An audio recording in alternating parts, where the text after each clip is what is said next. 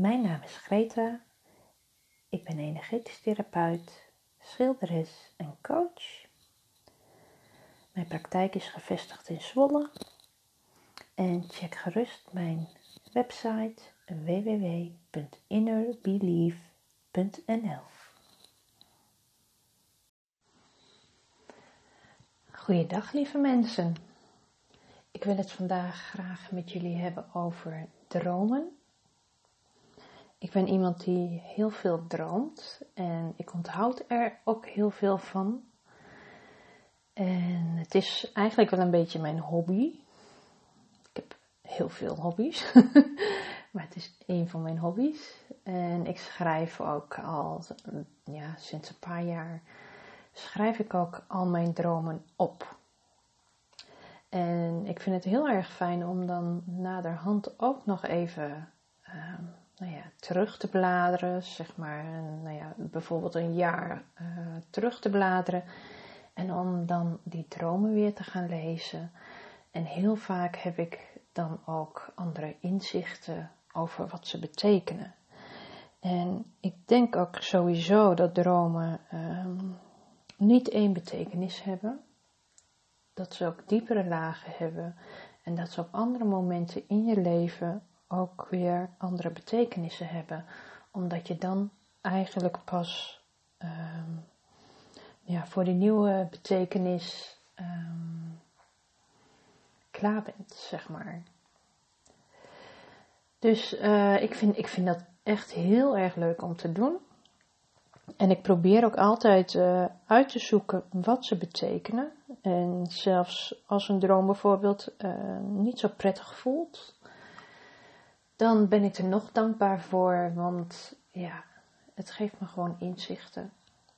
En zelfs als het heel onduidelijk is, wat heel vaak zo is, dan, uh, ja, dan is het gewoon een hele leuke film die je bij wijze van spreken s'nachts hebt gezien. Dus um, ik ben daar heel positief over. Ik vind het uh, erg leuk. En ik heb uh, afgelopen week een droom gehad. En die droom, uh, ja, het ging er niet zozeer om uh, wat het betekende. Maar ik zit op dit moment in, um, ja, in een andere fase van mijn leven waarop ik de dingen positief, zeg maar, uh, wil benaderen. En ik ben heel erg veel bezig met de lessen van uh, Abraham, uh, van Esther Hicks en Jerry Hicks. En zij leggen uit dat, uh, hoe de law of attraction in elkaar zit. En dat dat waar jij je aandacht aan geeft, dat dat groeit. En dat voelt voor mij gewoon heel goed. Dat voelt al heel lang voor mij dat dat wel klopt. Maar ik ben er nu bewust mee bezig om, uh, ja, om ook meer de mooie dingen in het leven te zien. En als iets negatief is, om dan ook proberen, te proberen, ik doe mijn best, um, me dan te richten op positieve dingen. En dat is best moeilijk. Uh, ik ben ook een mens en ik denk dat jij dat, uh, jij die luistert, dat ook waarschijnlijk wel uh, zult begrijpen. Maar mijn droom. Mijn droom was, had ook wat negatiefs in zich. En um, nou ja, wat Esther Hicks ook zegt is, ehm, ja dromen die weerspiegelen ook wat er in jouw leven omgaat en maak daar dan iets positiefs van. Dus dat ben ik toen gaan doen. Ik heb mijn droom uh, opgeschreven zoals hij daadwerkelijk uh, was, zoals ik hem heb ervaren in mijn droom. En daarna heb ik mijn droom herschreven. En ik heb het zo herschreven zoals ik graag zou willen dat die droom zou gaan. Ik heb wel um, het, um, het verloop van de droom aangehouden. Dus hij lijkt heel erg op de droom zelf, maar dan op een positieve manier geschreven. En dit wil ik jullie graag eventjes uh, als voorbeeld geven, want voor jullie is dat natuurlijk ook een heel leuk iets om te proberen. En zeker met terugkerende dromen. Ik zou zeggen, probeer het een keer uit, want ik krijg er een enorm positief gevoel bij. En uh, ja, nou, luister maar even. Ik ga eerst even de droom vertellen die ik heb gehad. Dat, de daadwerkelijke droom. Nou. Ik was in een ziekenhuis. Ik weet niet of ik er was omdat ik geholpen moest worden, maar voor mijn gevoel niet. Ik liep er gewoon rond. Het was druk en de zuster vroeg wat ik op mijn rechterbeen had. Ik keek en ik zag de plekken en de littekens van het moment dat ik van de trap was gevallen. Ik zei dat het geen probleem was. Ik voelde echter op dat moment wel wat pijnscheuten in een spier in mijn linkerbeen en heup. Ik vond dat niet iets voor het ziekenhuis. De zuster zei: Je mag dat bed wel hebben. En ik zag een leeg bed en zette het in de rij van andere bedden die vol waren. Ik voelde me onzeker, want ik had niet het gevoel dat ik opgenomen moest worden. Ik liet het bed maar staan en ik ging nog wat rondlopen. Ik zag een vrouw die het ziekenhuis binnenliep. Ze ging naar haar werk. Ik zag dat ze niet blij was en vroeg waarom. Ze zei dat ze wel een inkomen had, maar niet meer zoals eerst. Ze was lid geweest van allerlei belangrijke afdelingen, maar het was haar afgenomen. En nu moest ze nog wel werken, maar ze had niet meer het succes dat ze had. Ik denk dat ze ziek of overwerkt was geweest. Ze was down. Ze liep naar haar kantoor, maar wilde blijkbaar niet dat de mensen haar zagen binnenkomen.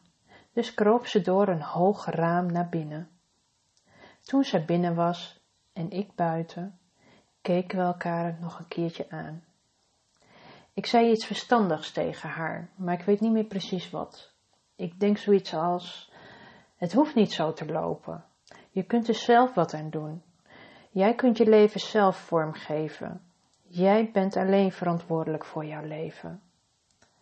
Ze geloofde het niet. Nou, dat was de droom.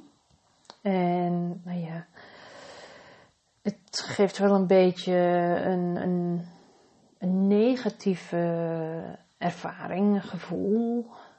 Um, het voelde voor mij ook niet te prettig, maar ook niet gezellig, een beetje onzeker. En nou ja, toen dacht ik van, laat ik die droom maar eens gaan herschrijven.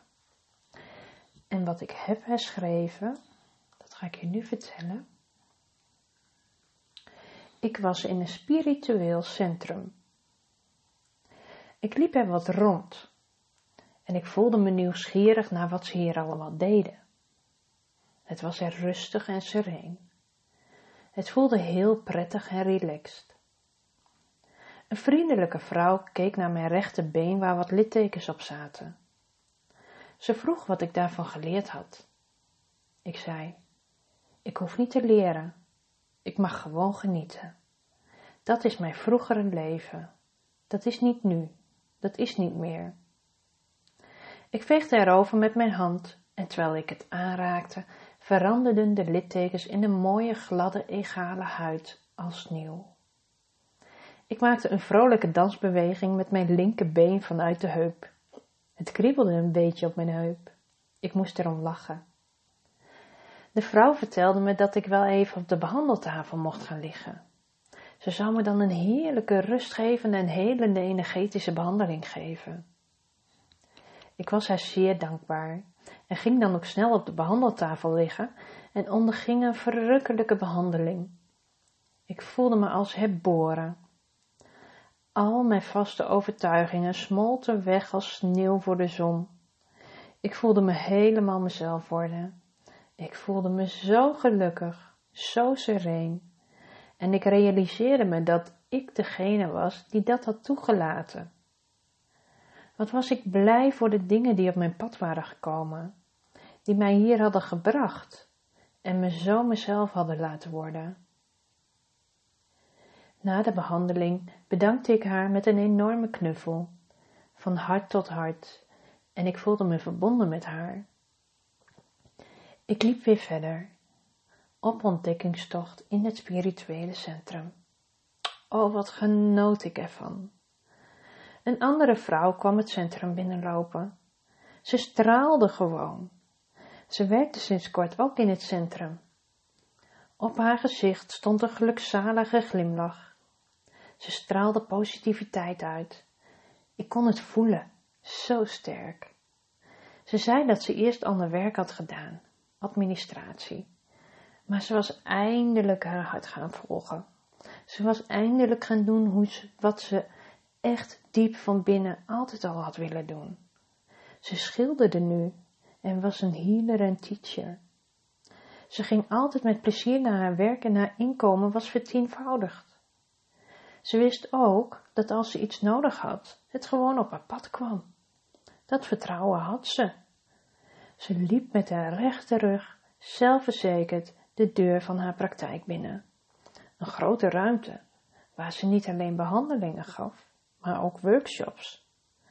De ruimte was naast haar atelier en het hing vol met haar prachtige schilderijen.